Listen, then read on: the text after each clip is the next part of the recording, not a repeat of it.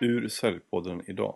Ett bra sätt att få en publiks uppmärksamhet det är att börja med en historia. Han eh, har ju byggt upp hela sin karriär på en enda händelse. Det var när han kraschade med sin bil. Ja, att vi är mycket mer intresserade av att utnyttja folks spetskompetenser. Jag, jag tycker att den är fantastisk. Jag kan rekommendera den till alla som lyssnar på det. För den, eh, den ger väldigt mycket aha-upplevelser. Det, och det har ju att göra med att vi litar mer på våra vänner eller på människor vi känner än på reklam. Idag har jag i Säljpodden med mig fantastiska Pia Lanneberg från PR och kommunikationsbyrån Lanneberg Bexelius. Och med över 20 år inom PR och varumärkesbyggandets värld och som nu delvis får man säga sammanfattats i, i din bok Ett starkt personligt varumärke, din vassaste konkurrensfördel så tillhör du den absoluta eliten i Sverige inom PR och kommunikation. Så varmt välkommen till Säljpodden Pia! Tack Mattias! Jättekul att ha dig med! Eh, och jag tänkte så här att innan vi kommer in på boken och om det här med personal branding och sådär, storytelling, LinkedIn-profiler och allt vad vi kommer komma in på. Eh, så tänkte jag höra lite grann om eh, vad du har gjort innan det blev Lanneberg Bexelius. Mm. Ehm, jag kom ju från PR-branschen då från början och i, i mitten av 90-talet så startade jag och två andra tjejer en PR-byrå. Och det var mig vetligt i alla fall den, den första PR-byrån som var helt inriktad på vad man kallar för marknads-PR. Och där hade vi lite tur. Det var en bra timing och vi växte snabbt och vi öppnade eh, kontor i Norge, Finland, Danmark.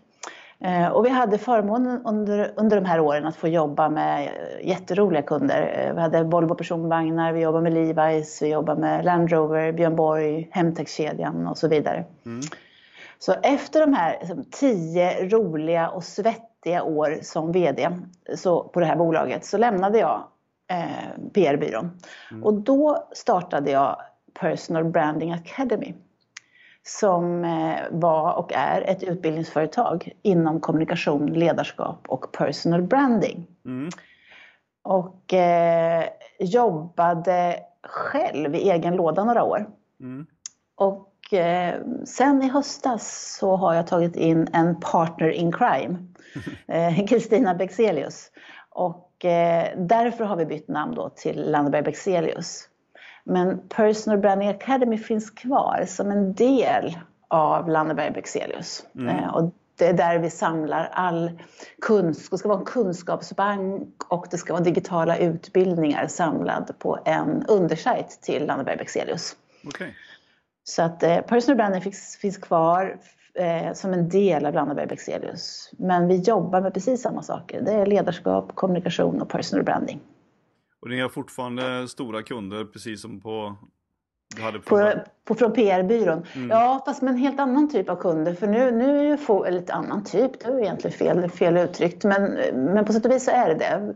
Därför att vi jobbar ju mycket med tjänsteföretag nu. Eh, och tjänsteföretag tävlar ju om att bli attraktiva arbetsgivare, bygga schyssta företagskulturer för att locka till sig talanger. Mm. Och eh, för dem är det också mycket, mycket viktigare att låta de egna medarbetarna, alltså det vill säga konsulterna i det här fallet, det är ofta konsultdrivna företag eller tjänstedrivna företag, där medarbetarnas varumärke är eh, en del av det som bygger företagsvarumärket. Okay. Och därför så har ju då, alltså personal branding, corporate branding är ju, går ju hand i hand skulle man kunna säga. Och det har ju blivit en sjukt mycket viktigare fråga än vad det var bara för tio år sedan. Varför då? Ja, alltså det här handlar ju om massor med olika saker förstås. Men dels är det att vi slåss om talangerna så att det blir alltså viktigare och viktigare att locka till sig dem och då får de här företagskulturen. Eh, därför att vi tävlar idag om innovation och vi är, vi är kunskapsföretag. De allra flesta av oss säljer kunskap. Mm. Eh, och då måste vi ha de, de bästa då måste vi vara på tå. Och sen handlar det också om att vi, vi gör inte affärer med företag, vi gör affärer med människor. Mm. Och eh, de som har de eh, bästa människorna och de bästa ambassadörerna för sitt företag, de kommer förstås vinna stora konkurrensfördelar. Just det. Och då gäller det att bygga den kulturen eh, från början. Ja, ja och så tänk, tänk så här också, de flesta av oss, eller de flesta företag idag säljer ungefär samma saker. Jag tänker på din bank till exempel. Mm. Det är för, för, för, folk inte så himla noga vilken bank man går till längre.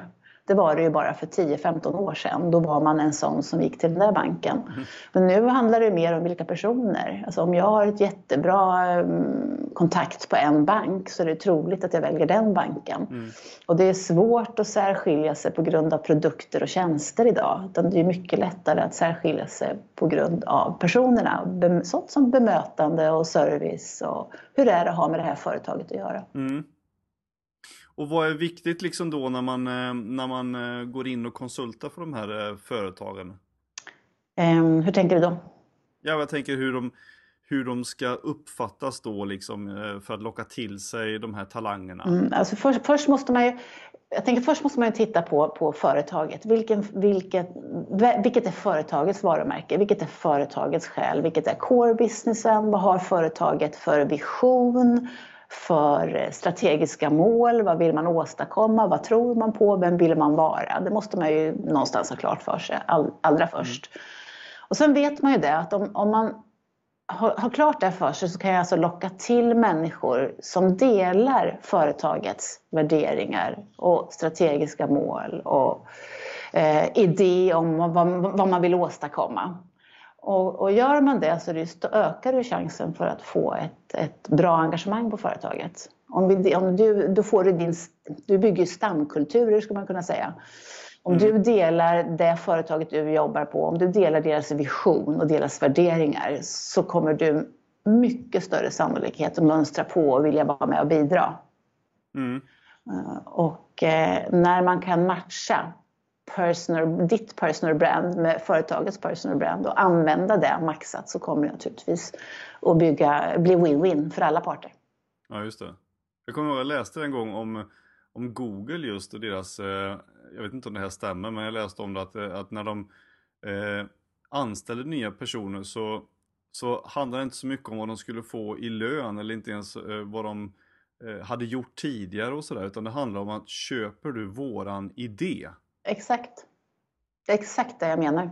Mm. Och, och, det finns rätt mycket studier som visar egentligen precis på det att, att har jag bara en marknadsmässig lön, alltså en, en lön som jag upplever som rättvis och marknadsmässig, då kommer inte lönen sen att spela någon roll. Utan eh, då kommer det snarare handla om eh, precis just det. Delar jag företagets värderingar? Delar jag företagets vision eller idé om varför de finns? Vill vi åstadkomma samma saker? Mm. Är det en kul arbetsplats? Har du schyssta kollegor? Alltså allt det här, det är det som kommer att avgöra om vi är beredda att stanna. Precis. Men du, när vi sågs första gången så gjorde vi ju ett konsultuppdrag åt samma kund fast du var helt olika områden. Ja. Eh, och då, då utbildade du eh, säljarna där i storytelling på ett jätte, jättebra sätt. Jätteprofessionellt tycker jag. Ja, okay. och, och, varför tycker du att det fungerar så bra med just storytelling? I både i säljsammanhang och kanske i andra sammanhang också. Ja, och, och då, då, ska jag säga att storytelling är ju jättehypat just nu. Men, men egentligen så har, ju, har, vi alltid berättat historier mm. för varandra. Och vi har alltid varit intresserade. Historier handlar egentligen ju om en person eller några personer som gör något som leder till en konsekvens eller ett resultat som i sin tur leder till insikter eller ett nytt beteende eller så vidare. Så vi har alltid fascinerats av historier. Mm. Och i marknadsföringssammanhang har man använt historieberättande i åratal via reklamkampanjer eller eh, andra typer av corporate storytelling. Mm. Du har ju säkert hört alla historier om IKEA, Ingvar Kamprad och hans eh, omvittnade sparsamhet. Just det. Eh, det är en viss typ av, av storytelling då man byggde, där man illustrerar företagets värderingar genom historier. Mm. Eh, så det har alltid funnits. Eh, nu har det blivit ännu mer viktigare och det beror lite på att vi, det är sånt brus där ute, det är så mycket information vi får hela tiden. Eh, så att vi behöver berätta berätta historier som berör. Mm. Därför att om vi blir berörda så har vi större chans att nå genom bruset och att göra avtryck och intryck. Mm. Och, och, man vet sedan tidigare också att vi minns historier bättre än fakta.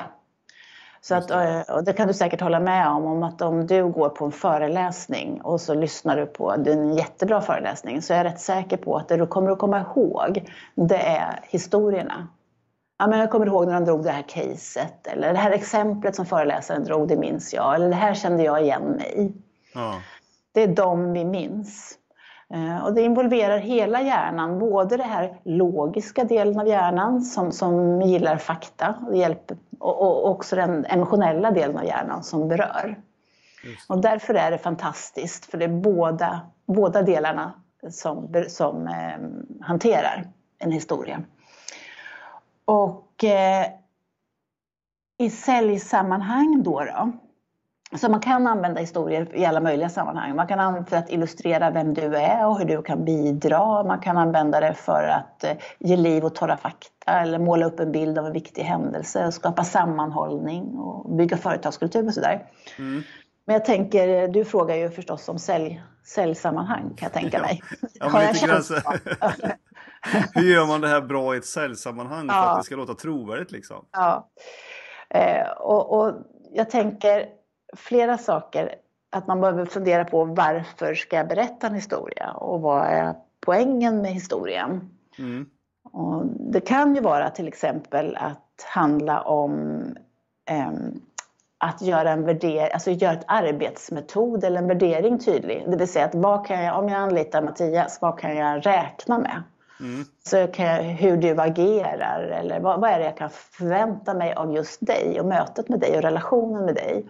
Och där kan man ju genom att berätta en historia hur man jobbar med andra kunder eller hur man brukar arbeta eller hur man jobbade med en kund i en liknande situation.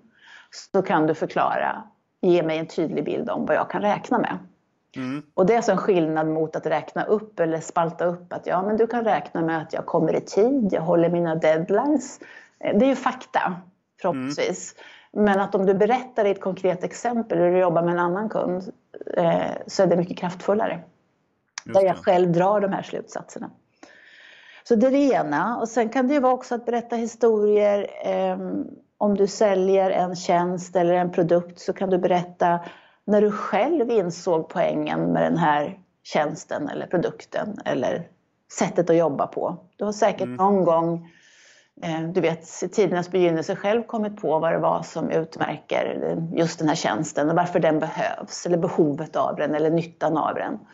Då kan man dela med sig av att var då du insåg att det här faktiskt är genialt. Eller bra. Eh, jag gillar själv jättemycket när, när folk berättar hur de har jobbat med liknande kunder. Om du, ska, om du vill sälja dina tjänster till mig så tycker jag om att höra hur du har jobbat med andra. För det ger mig en tydlig bild vad jag kan förvänta mig. Mer än bara att rapa upp egenskaper. Ja. Att jag lyckades öka det här med 30 procent och vi gjorde ja. så här många dagar. Och vi var så här, alltså, det är det bara bla bla bla, ja. bla. Det är det som går in genom öra, eh, örat och ut genom det andra. Ja. Däremot om du berättar, och det, poängen med bra historier det är att vara ganska specifik. Alltså kunna berätta när hände det? Ja, men det var för, för tre år sedan, eller förra veckan, kom jag precis från en kund. Ett företag ungefär lika stort som ditt. De hade den här utmaningen och vad vi gjorde då var det här. Och det i sin tur ledde till det här. Och nu vet jag ju Pia att du är i en liknande situation och då tänker jag att Mm. Är du med? Att du, du eh, har dragit en, eh, sett en liknande behov hos en annan kund och ni har löst det på det här sättet. Då blir det på någon form av mycket trovärdigare för mig än att du rapar upp massor med säljfloskler. Just det. Men finns det något sätt liksom att bygga upp då en bra story? Finns det en mall att gå efter? Ja, det finns massor med mallar men, men man kan väl säga att det viktiga är ju att man först på något vis sätter scenen, berättar vad hände och, och eller rättare sagt vilka var inblandade och när hände det? Mm. Och, och sen att också kunna konkretisera vad var utmaningen för det här företaget eller den här kunden. Och sen vad gjorde du eller ni? Och sen vad ledde det till? Eh, jag brukar använda rätt, den funkar inte alltid men jag tycker den är rätt bra, STAR. Jag skriver om den i boken också. Och STAR är bra därför att den är lätt, som krokar att hänga upp en presentation på. Och där står S för eh, situation, hur var situation, beskriv situationen, sätt scenen helt enkelt. Mm. Vilka var med och när var det? Task står ju förstås för eh, uppgift eller utmaning eller problem som man stod inför på det mm. stället. Och sen action, vad gjorde du? Och result, vad ledde det till? Eh, den, den, är ganska lätt att hänga upp en presentation på, så den, den tycker jag funkar. Eller en, ett exempel eller en historia på. Så exemplet du drog innan här med att jag var hos ett liknande företag som ditt. Mm. Eh, det är situationen och, och marknadschefen och vdn och försörjningschefen var med. Ja. Och eh, utmaningen de stod inför var att eh, de behövde få mer leads till sin, eh, vad det nu kan vara. Exakt. Och sen att eh, vad vi gjorde var att vi satte upp det här och det här och det ja. ledde till att vi fick detta och detta. Exakt. Och det kan ju också vara så historier, det här är ett konkret exempel. Eh, mm. Den här typen av exempel, de kan ju både vara positiva och negativa. Alltså det kan ju vara någonting som, som ledde till ett bra resultat och därför tycker jag att du ska göra likadant. Men det kan mm. ju också vara en, en lärdom man gjorde. Att, att man provade det här och det ledde till, och så fick det en konsekvens. Eh, och därför tycker jag så, att ni skulle kunna använda det här. Mm. Men sen kan det också, sen beror det på vilken säljsituation man är. De här som vi pratar om nu, de här exemplen, de är ju lysande när man sitter i face to face möten, alltså i en mindre möten med mm. en potentiell kund. Men sen kanske en del av er också har dragningar, man står och håller någon annan typ av presentation. Mm. Och då kan man ju inleda med en historia. Och då kan man ju lämpligen inleda med någon form av eh, varför man gör det man gör historia. Alltså, varför jobbar du med det du gör?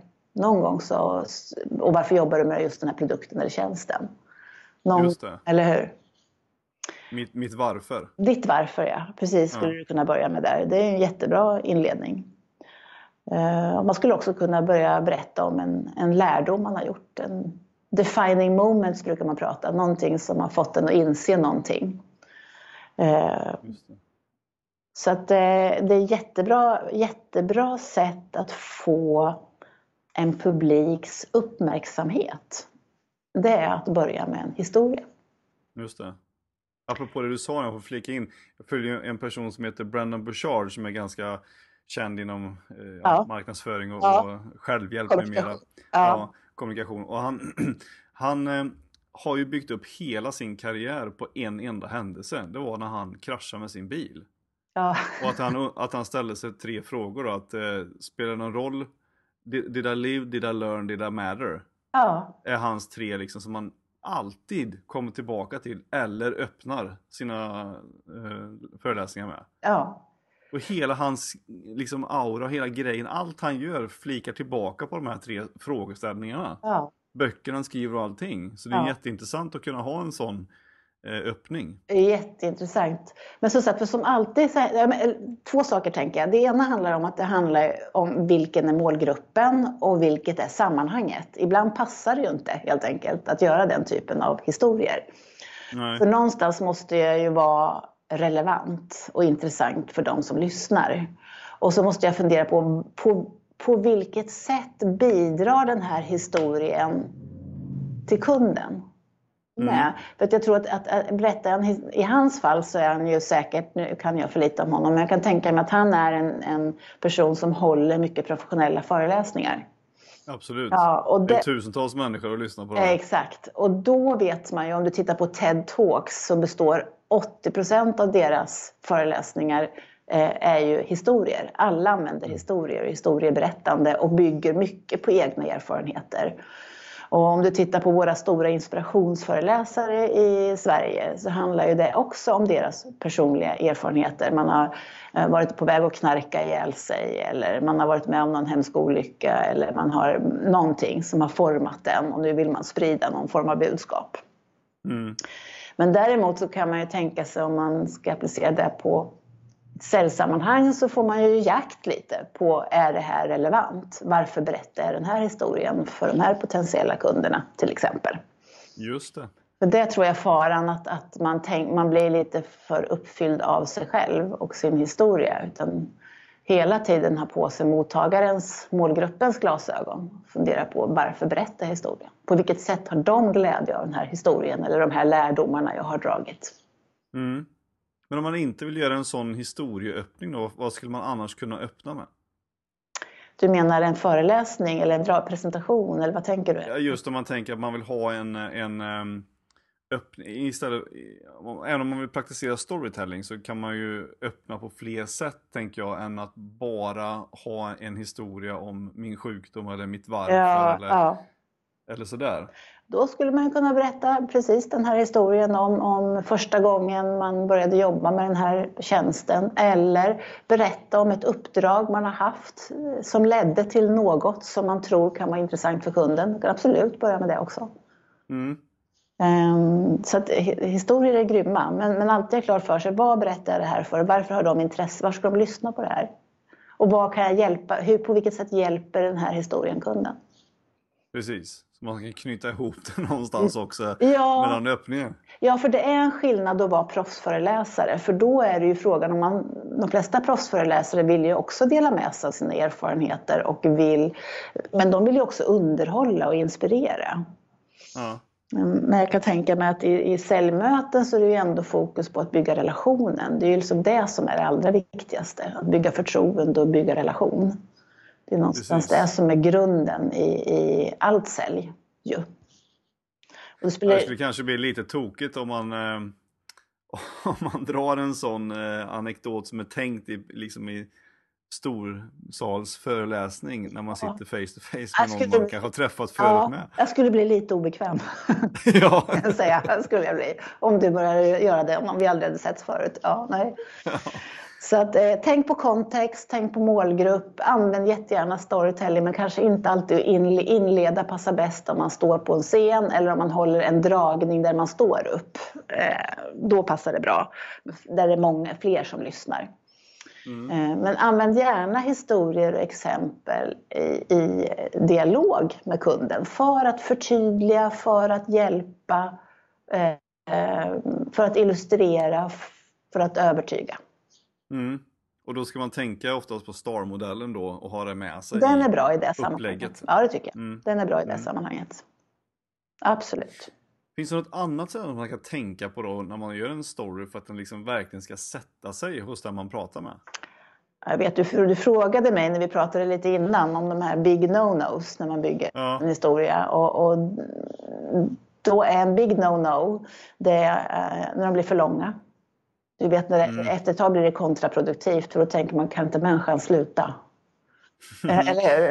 Eh, mm. Så att någonstans, när de är för långa, försöka hålla dem skapligt korta och stringenta. Eh, när det är brist på relevans, det tycker jag är det värsta av alltihop. När man funderar på, okej, okay, varför berättar han det här? Eller hon. Mm. och när man har för mycket fokus på sig själv. Man får en känsla av att nu berättar de massor med historier för att boosta sig själv snarare än att hjälpa mig. Det är oskärmigt. Ja, det låter inte jättekul. Nej, och sen så ska man renodla, alltså fokusera på det viktigaste innan man berättar en historia. Så man får fundera själv på vad, vad var det viktigaste. Ibland kan ju eh, en del som berättar historier eller, eller, exempel bli för detaljrika. Man berättar alla siffror och namn och då sa han och då sa hon och du vet sådär. Eh, eller mycket fakta i ett exempel, så det ska man försöka skippa. Utan försöka renodla och tänka på vad är det viktigaste i den här historien. Mm. Och någonstans är det ju ändå känslorna till slut som man kan lyckas skapa som är målet då antar jag? Det är absolut målet. Målet med kommunikation är ju förstås att beröra. Mm. Att få folk att agera. Du, och, och, och förstås få, ha, tro, att du ska få förtroende för dig. Det är, liksom, säga, det är ju grunden i alla relationer. Men sen ska du nå ut och få genomslag och få folk att vilja agera på det du säger och bry sig. Då handlar det mycket om att beröra. Mm. Och det är först då som det händer någonting i oss också, när vi känner någonting.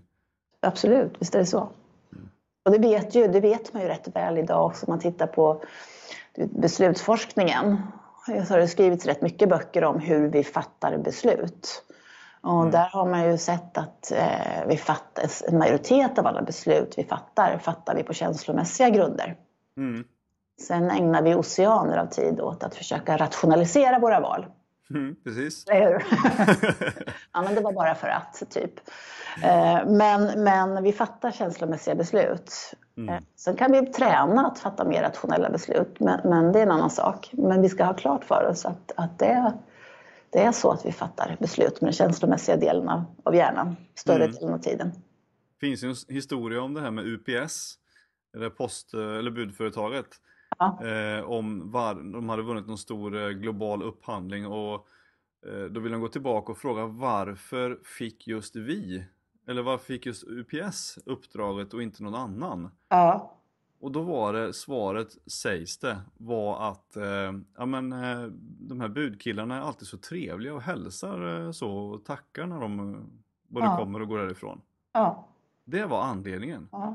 Men det, det, här stämmer Mattias, om du tänker bara på liksom allt, allt ifrån att vi går och handlar någonstans eller att vi eh, är på restaurang och, och vi ätit god mat på många restauranger men de restauranger vi minns bäst är ju även där servicen har varit fantastisk och personalen har gjort något extra eller pratat med oss eller skojat med oss. Eller, det är de här sakerna mm. som gör att vi kommer ihåg. Eh, både, det är människorna som avgör.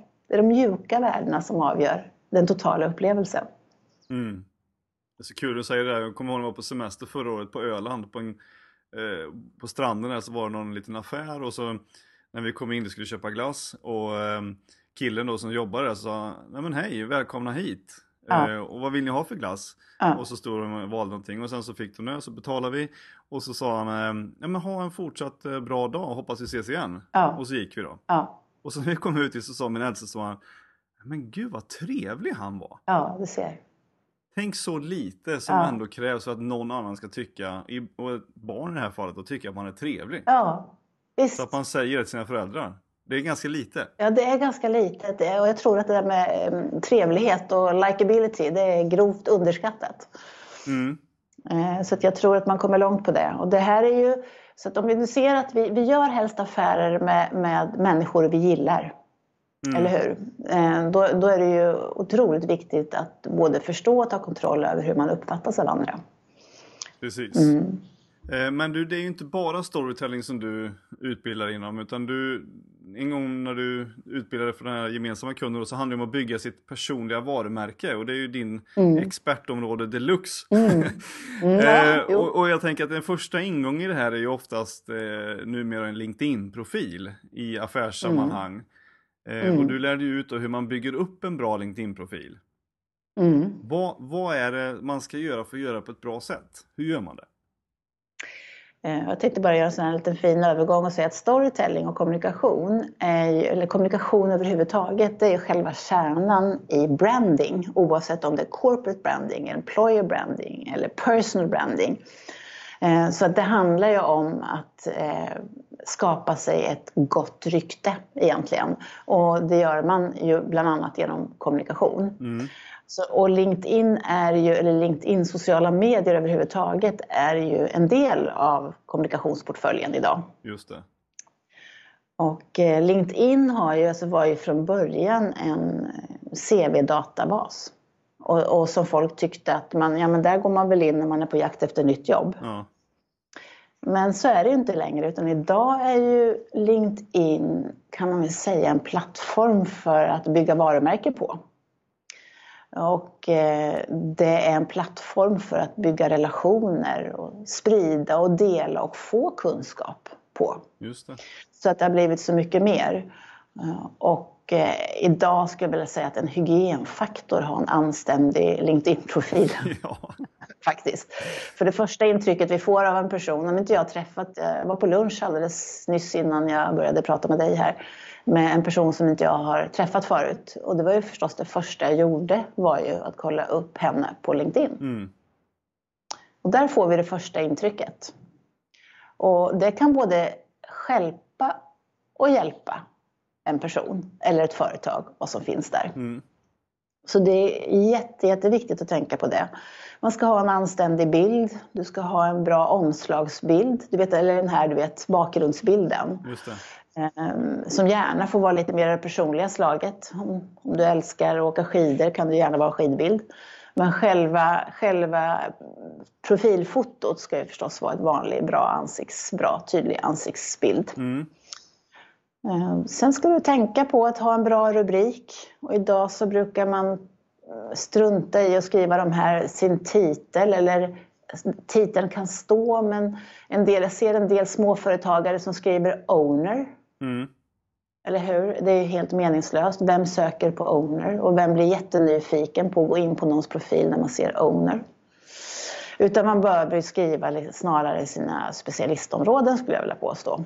Herregud, nu vart det helt kallsvettig. Jag undrar vad som står på min egentligen. Ja, jag, jag, kollat på din Mattias, jag gjorde ju inte det. Det kommer ändras bara... efter det här. Ja, jag förstår. Det låter bra. Du måste skriva dina spetskompetenser. Det är ju samma sak som att skriva marknadschef. Ehm, det kan man skriva, men du behöver lägga till något. Det är ju jättebrett. Finns det någon specialistkompetens, någon speciell, någon spets, något fokus? Mm. Ehm, så då kanske man ska skriva då om det är Eh, kundrelationer eller sociala medier eller vad det nu kan vara för någonting inom marknad som man tycker är sina absoluta spetskompetenser. Mm. Och det ska stå redan i rubriken för det är det som man ser i andras flöden. Eller hur? Man ser rubriken bara på under personens namn och sen ser man rubriken. Och då blir det också lite ointressant att skriva bara säljare mm. till exempel. Då vill man också se, ha inom vad? Eller vad är dina spetskompetenser inom? Är det förhandling, avslut eller eh, var, var någonstans är man? Vad är spetskompetenserna? Och det här handlar ju om idag att vi är mycket mer intresserade av att utnyttja eh, folks spetskompetenser. Alltså vi vill inte ha några diverse handlare. Nej. För diverse handlare, dels har du problematiken att det inte är så trovärdigt att man är bra på allt. I alla fall inte riktigt bra på allt. Eh, och dessutom så är det så, är man diversehandlare, då tävlar du om pris. Mm. Ja, men det är som ÖB, de är diversehandlare. De har allt möjligt för alla. Mm. Och då tävlar de om pris. Och där vill man ju inte vara. Eller hur? Nej, framförallt inte om man inte är absolut, absolut billigast. Det finns ingen vits att vara tredje billigast. Nej, nej precis. precis. Nej, så, så det handlar jättemycket om, vi jobbar mer uppgiftsorienterat idag. Det kan man ju också se att vi, ett, ett led i det att det blir fler och fler sådana som du och jag, alltså konsulter med spetskompetenser som kommer in i ett företag under en begränsad tid för att lösa en viss specifik uppgift. Mm. Uh, och det här är det man kallar för giggare idag. Eh, Just det. Eller hur? Eh, och den, de här giggarna växer allt mer och mer. Det kan vara egenföretagare, det kan vara de som är projektanställda och som finns med i bemanningsföretag och så vidare. Men man, gör, man, man jobbar uppgiftsorienterat. Eh, och även om man är fast anställd kan man se det här mer och mer. Att man är intresserad av att förstå precis vilka är dina styrkor, vad är du bäst på, hur kan du bidra? För då kan jag sätta ihop de här grillateamen eller spjutspetsteamen för att lösa en specifik uppgift inom företaget. Sen kanske det här teamet löses upp och så blir det en annan uppgift och då kommer konstellationen se annorlunda ut.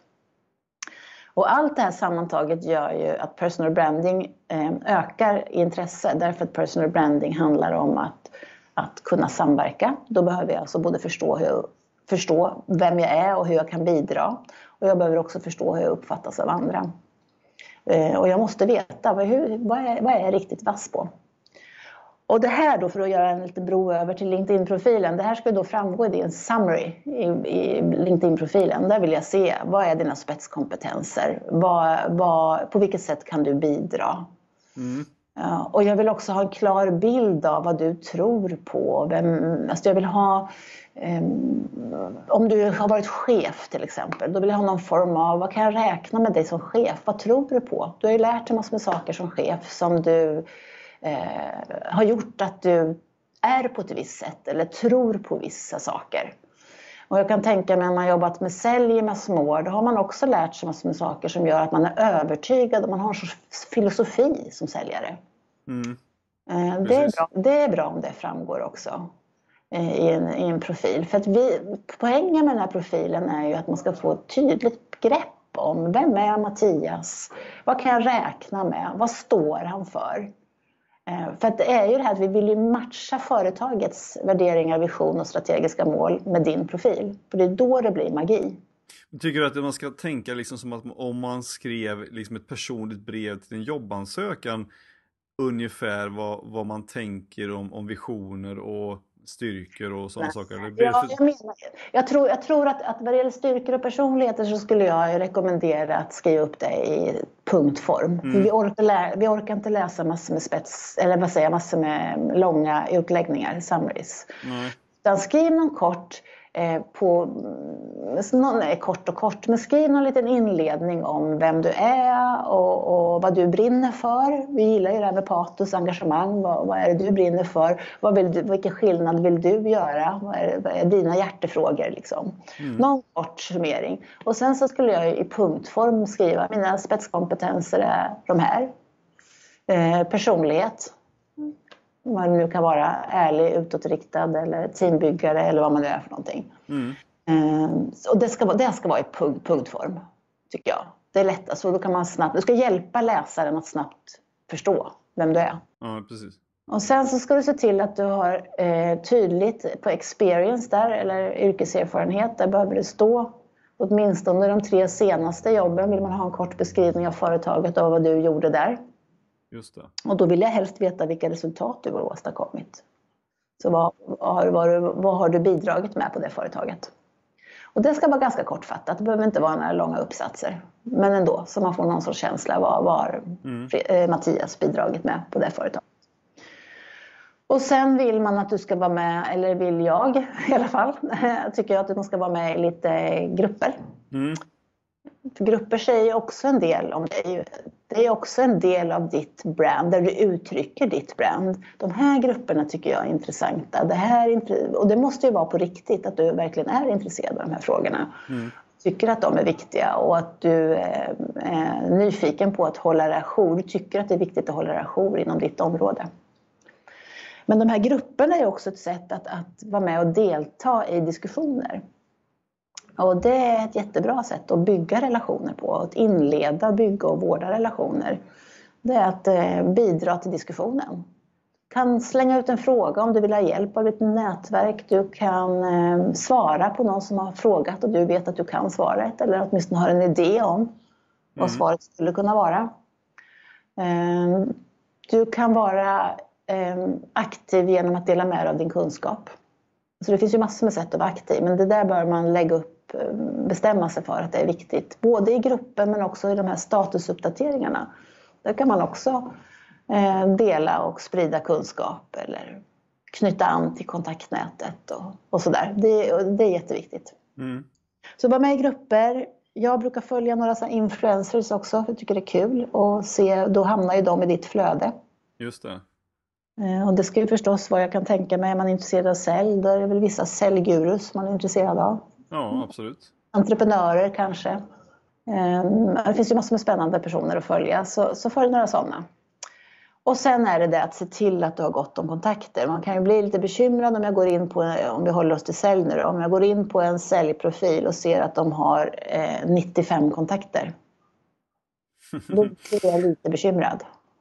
Ja, det är klart. Eller hur? För att eh, en säljare idag, det är ju, där kontakter är så, ja det är det för oss allihopa. Men kontakter och nätverk är ju sjukt viktigt och säger en del av den du är och, vad du kan bidra med. Mm. Så att eh, där vill man ju se att det finns lite action och att du förstår att kontakter online är minst lika viktigt som de offline.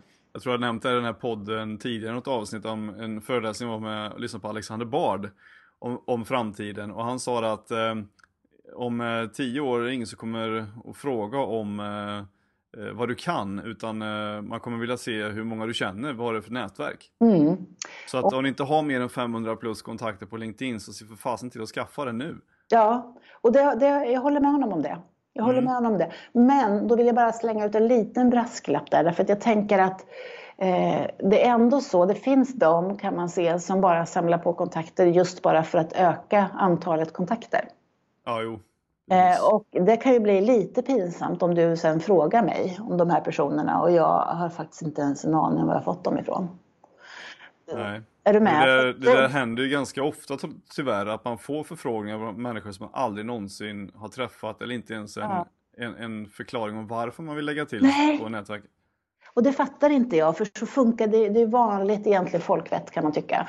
Att man eh, skriver bara, jag tycker det är helt okej okay att ta, jag, jag, tycker det är roligt att nätverka. Så att för mig, jag har gärna, alla får gärna ta kontakt med mig på LinkedIn. Men jag blir jätteglad om jag får en liten personlig hälsning. Där mm. skriver att eh, men de har läst min bok, var det någon som skrev häromdagen och de tycker att det var, den var kul och nu vill de ha kontakt. Bara en sån enkel sak så blir jag jätteglad.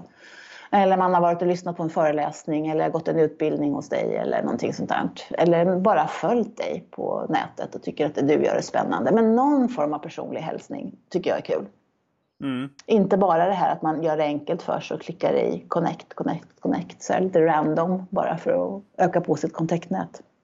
Nej precis. Och det är klart det är lite lurigt när den där plusknappen sitter på högersidan så när man scrollar i den här telefonen, ja. vilket man ofta gör, och man har ingen chans att skriva något utan eh, den skickas ju direkt till ja. personen. Så jag antar att det är ett antal sådana man får också då och då. Ja det antar jag också och då tänker jag sådär om man nu är en relationsbyggare och mån om sina relationer då borde man ju vänta då tills man kommer framför datorn så man kan skriva den här lilla personliga hälsningen. Precis. Om det inte är så att det är någon som alltså, vi, vi uppenbarligen har träffats ganska nyligen, då spelar det ingen roll förstås. Nej, men hur tycker du det här med, du pratar med influencers som du följer då, men eh, om man pratar ibland med influencer marketing, att, alltså att, att företag tar hjälp av, av sociala medieprofiler eller, eller kändisar då ibland, eh, så att de ska vara ambassadörer för ett, för ett varumärke eller bolag eller produkt eller sådär. Mm. Men, men du uppmuntrar också att företagen ska låta sina anställda vara influencers. Bästa, bästa influencers du kan ha ju. Förstår ja. du vilka kontaktnät de sitter på och hur många middagar de går på där de pratar om, om sin arbetsgivare? Hur tycker du att de ska göra det på ett bra sätt då? Ja, när man pratar om just det här Employee Advocate Marketing som det så fint heter, eh, då handlar det om att man ger företagets medarbetare utrymme och eh, uppmuntrar dem att företräda företaget i sociala medier. Mm. Eh, och, det, och det hänger ihop med att man vet att folk ändå är där ute hela tiden. Jag kommer inte ihåg, jag, jag tror att det var Alexander Bard också som sa att man ägnar sju timmar om dagen med någon form av sina eh, social devices. Alltså man sitter och håller på, eh, håller på med datorn eller man är inne på någon av de här eh, Snapchat eller Instagram eller LinkedIn, Facebook och man googlar och man har sig eh, sju timmar om dagen. Jag för mig att han sa det och det låter ju helt galet men så när jag börjar mm. tänka efter själv, det gör man nog. Förmodligen. Eh, I alla fall så är det, vi kan i alla fall enas om att det är ganska mycket av ens tid mm. då man på något sätt är ute på nätet. Och då menar man på att om vi istället då för att vara är rädda för det och tycker att det är förskräckligt använder det och uppmuntrar medarbetarna att verkligen eh, vara där ute och, och dela saker. Eh, då kan det ju bli helt galet bra.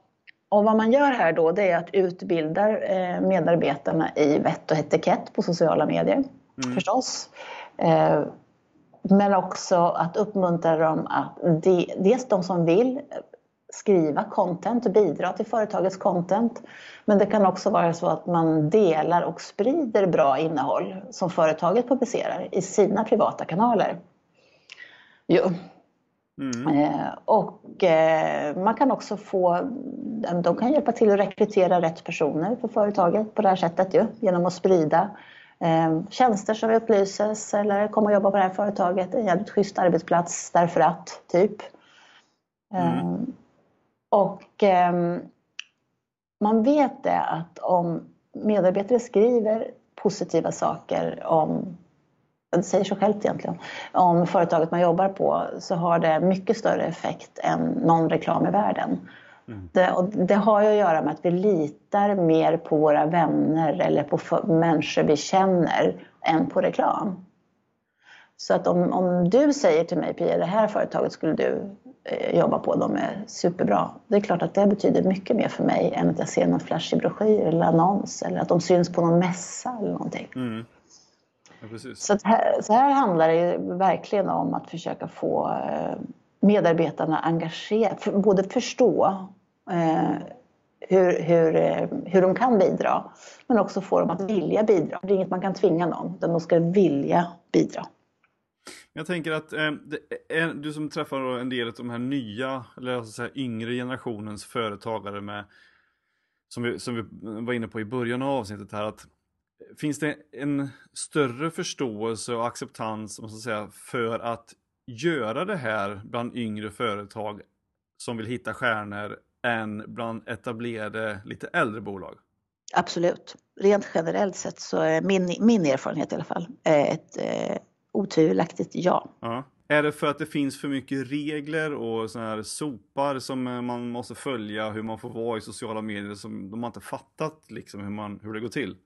Ja, mm. ja, det skulle jag vilja påstå. Och en rädsla.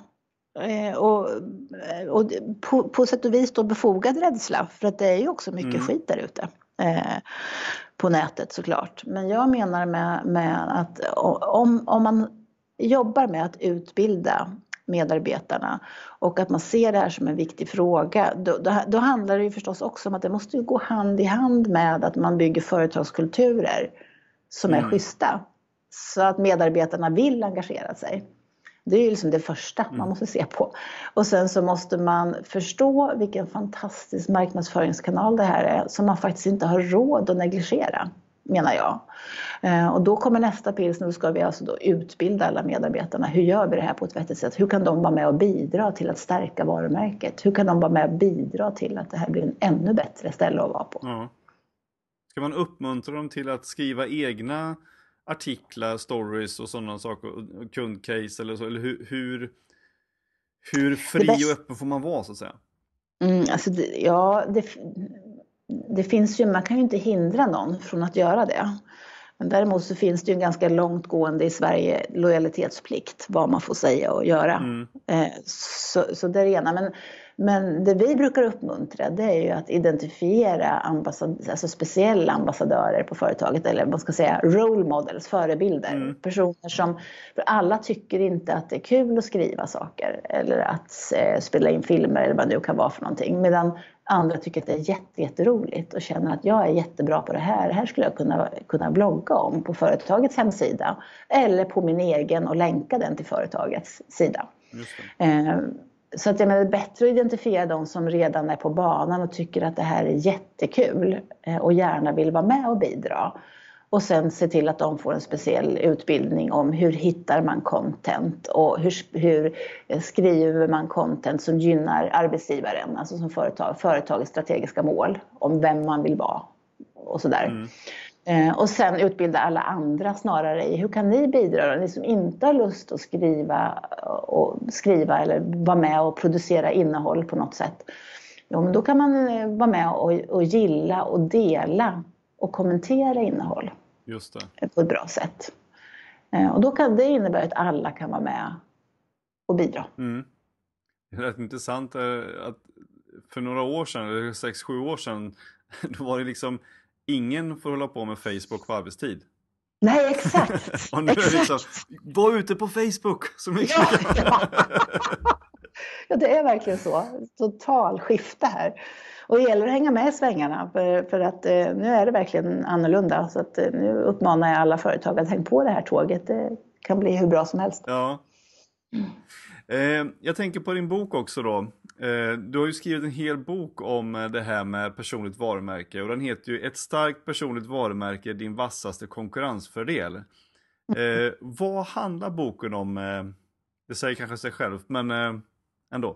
Alltså boken skrevs nu för, det är ju faktiskt två år sedan tror jag, den kom ut nästan. Mm. Och, och den skrev jag som Ehm, som en handbok kan man säga. Du har ju läst den så du vet ju rätt mycket tipslister och checklister och övningar och sådär. Ehm, och det kom sig av att jag hade fått så mycket fråg, fråg, frågningar kring hur gör man då? Ja. Eh, så, och då tänkte jag, men då skulle jag vilja skriva en handbok som man kan ha liggande på skrivbordet och, och läsa delar utefter det man behöver just då. Man kan slå i den. Men nu vill jag, nu, hur var det här med storytelling? Eller hur var det här med LinkedIn? Eller sådär. Mm. Eh, så det var, var syftet med den här boken. Så den handlar egentligen om allt ifrån vad är ett varumärke, hur, hur bygger man ett sånt, vilka har det och vad gör de? Och vad kan du göra? Den är väldigt hands-on och så här konkret skulle jag vilja påstå. Mm. Jag, jag tycker att den är fantastisk. Jag kan rekommendera den till alla som lyssnar på det för att den, eh, den ger väldigt mycket ha-upplevelser. Ja, vad och kul! saker som man behöver verkligen ta tag i också. Ja. Du menar att den skapar lite dåligt samvete eller? ja, trycker på lite ömma punkter sådär. Ja, för jobbigt. Nej, men det är ju så att man, man, ibland så tänker man inte på vad det är man behöver göra för att vara eh, lite speciell. Eh, eller liksom hur man kommunicerar, vem man är och så vidare. Eh, och det är ganska, ganska små saker ibland som, alltså som, som enkla att göra. ja. Ja, exakt. Ja, ja. Mycket om det här handlar ju inte, det var ju det så också, personal branding var ju ett begrepp som var ganska missförstått från början och fortfarande är ibland där man tror att det bara handlar om någon sorts egoism och se mig, se mig och kan jag få sändningstid, att få så mycket sändningstid som möjligt. Mm. Men, men det är ju inte det det handlar om. Det handlar snarare om att bli tydlig och köpbar och lätt att ta ställning till. Eh, och att också förstå att jag måste också synas i de rätta kanalerna. Och då handlar det inte om tv-soffan eller eh, ta så mycket selfies som möjligt. Utan då handlar det snarare om närvaro. Närvaro på sociala medier och engagemang i sociala medier. Och inte att förglömma in real life. Ut och käka luncher, ut och träffa folk. Precis, och det blir lite Mm. lättare om man även eh, connectar med dem då i sociala medier kanske. Absolut, absolut. Jag tänker på faktiskt hur jag, en, en eh, person jag tänker på som har kommenterat mina inlägg som jag inte har träffat men som skrev ett trevligt mejl och ville connecta mig på LinkedIn. Så har han kommit och kommenterat en del av mina inlägg med kloka reflektioner eller tankar eller frågor eller synpunkter. Eh, Och han kontaktade mig bara för någon vecka sedan och sa jag vet ju att vi inte har träffats in real life men det skulle vara kul, ska vi ta en lunch? Och då blev det ju jättenaturligt, det blev inget konstigt alls för det kändes ju nästan som jag känner honom. Ja men precis. Ja, det, det är så viktigt att man, att man är med i matchen nu för tiden. Ja, och, och det är det jag tänker på. Däremot ska man ju akta sig när man, när man eh, bygger relationer på nätet så ska man vara försiktig med att sälja, för det har jag varit med om. Mm. Eh, också att bli kontaktad. Ja, men jag tror, skulle inte du behöva det här? Där man är bara intresserad av att sälja något, inte, inte bygga relation. Nej. Så att det är min absolut, jag avråder från det. Sälj ingenting, bygg relation. Fokus på relation och på hur, man, hur du kan hjälpa andra. Det blir mycket bättre. Ja, och jag tänker, du nämnde ordet köpare här och det är ett av de här favoritinläggen som ni har på eran blogg på lannebergbexelius.se och som, det finns också med i din bok eh, det här om, Mm. om, som handlar om att bli köpare om man, tyck, om man nu tycker att det är jobbigt att sälja. Ja, Men hur blir man det på ett bra sätt idag tycker du? Köpbar? köpebar. Jo, alltså man blir man behöver vara tydlig med vem man är och vad man står för, hur man kan bidra.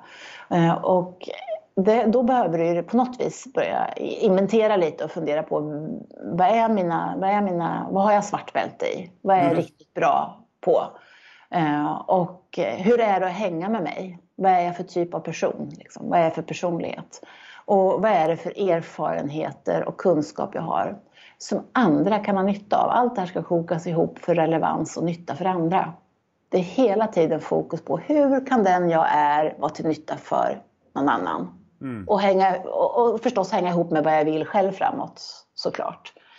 Så att när man, man behöver göra en inventering först själv och sen när man har sett det, ja, men det här är jag, det här kan jag bidra med, det här är tydligt, det här brinner jag för, här vill jag vara med och göra skillnad. Man har hittat det eh, och sen knutit det till relevans och nytta för andra, då eh, behöver jag träna på att kommunicera det på ett, på ett bra sätt. Eh, Och det är ofta där det kan vara lite kruxigt ett tag innan man hittar ett ledigt sätt att prata om sig själv. Eh, För det, det är ju alltid målgruppsanpassat också. Det vill säga man behöver säga lite, lite på olika sätt och lyfta fram olika delar av sig själv till, till, beroende på målgrupp såklart. Mm. Så mycket handlar om att vara tydlig. Eh, mycket, allt skulle jag säga, handlar om att vara till nytta för andra. Var generös, ge mer än att få. Fokusera inte på att sälja. Eh, fokusera på att bygga relation och bygga förtroende. Helt okej okay om inte kunden köper något av dig just nu. Men får de förtroende för dig så kommer de tillbaka. Mm. Eh, så fort man har fokus på, på att jag ska sälja, eh, då går det inget bra alltså.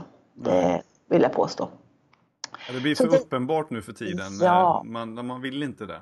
Ja, Och sen så ha den här tydliga LinkedIn-profilen. Var engagerad i relationer med andra, både online och offline. För då hamnar du lite top of mind. Då är det lättare att folk kommer att tänka på just dig när det verkligen gäller. Så att vara tydlig och synlig mm. är huvudspåren. Och sen också att förstås det vi pratade om inledningsvis, att vara likable. Mm. Möjlig att tycka om. Och det är ju faktiskt inte så svårt egentligen. Nej, egentligen är det ju inte det.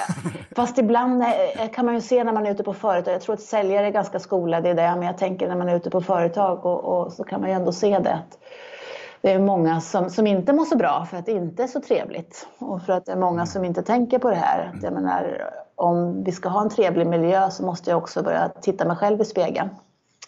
Mm. Eller hur? Och fundera på hur bidrar jag till den här trevliga miljön då? Som jag, som jag själv vill ha. Så man inte handlar i det här att det är någon annans fel eller någon annan som ska fixa. Nej, precis. Någon annan ska göra mig lycklig. Ja, just det. det skulle vara rätt behagligt. ja, men då kanske man behöver gå eh, din Personal Branding Academy istället då och, ehm, och förstå hur man ska göra. Ja, det, det kan, ja jo, men alltså, det, man, man, kan få mycket tips. Det har ju du sett också på nätet. Vi har mycket bloggar och nu så på, på den här Personal Branding Academy-delen som vi kommer att lansera här fram närmsta dagarna så kommer man också få mycket tipslistor och checklistor och så småningom kommer, där, det, kommer det vara en del sådana e-learning-kurser och webinars och sånt där också. Mm. Så där kan vi hjälpa till mycket med en hel del gratis material. bjuder vi på, på, på så mycket vi kan. Eh, och i bloggen kan du också läsa en del. Eh, sen är det ju självklart så här att det kan komma ett läge så, då man också behöver en, en eh, sparringpartner, behöver någon att bolla de här frågorna med in real life. Mm. Och då är man förstås jättevälkommen att, att kontakta oss. Ja, och hur gör man det för, eh, på enklaste sätt? Om alla som lyssnar på det här tycker precis som jag att du är helt fantastisk. Ja, eh, om att... ska väl Jo då. Eh, och, och, hur gör man då för att komma i kontakt och, och i sådana fall anlita er? Ja, det allra enklaste tycker jag är att man går in på vår hemsida eh, www.lannebergbexelius.se mm. och, och där kan du klicka på kontakt också så drar man iväg ett mejl till mig helt enkelt.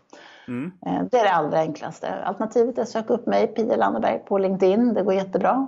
Eh, skriv bara ett lite trevligt mejl eller trevlig hälsningsfras så blir jag jätteglad. Precis, inga sådana här snabbklick nu. Nej, nej. utan någon, någon, någon, någon liten introduktionsmail så blir jag glad. Ja. Så det är det enklaste. Gör det och tala om, mm, så ringer jag och så, så försöker vi ta en fika ihop. För jag brukar alltid säga så. Vi fikar först och ser vad som händer och så tar vi det därifrån. Ja. Mm. Ja, jättebra. Fantastiskt. Eh, tack så jättemycket för att du tog dig tid att vara med i Säljpodden. Och stort lycka till med boken och med eh, företaget och med utbildningen här framöver. Mm. Tack snälla Mattias. Kul att vara med. Ja, tack. Vi hörs. ha det bra. Hej. Hej.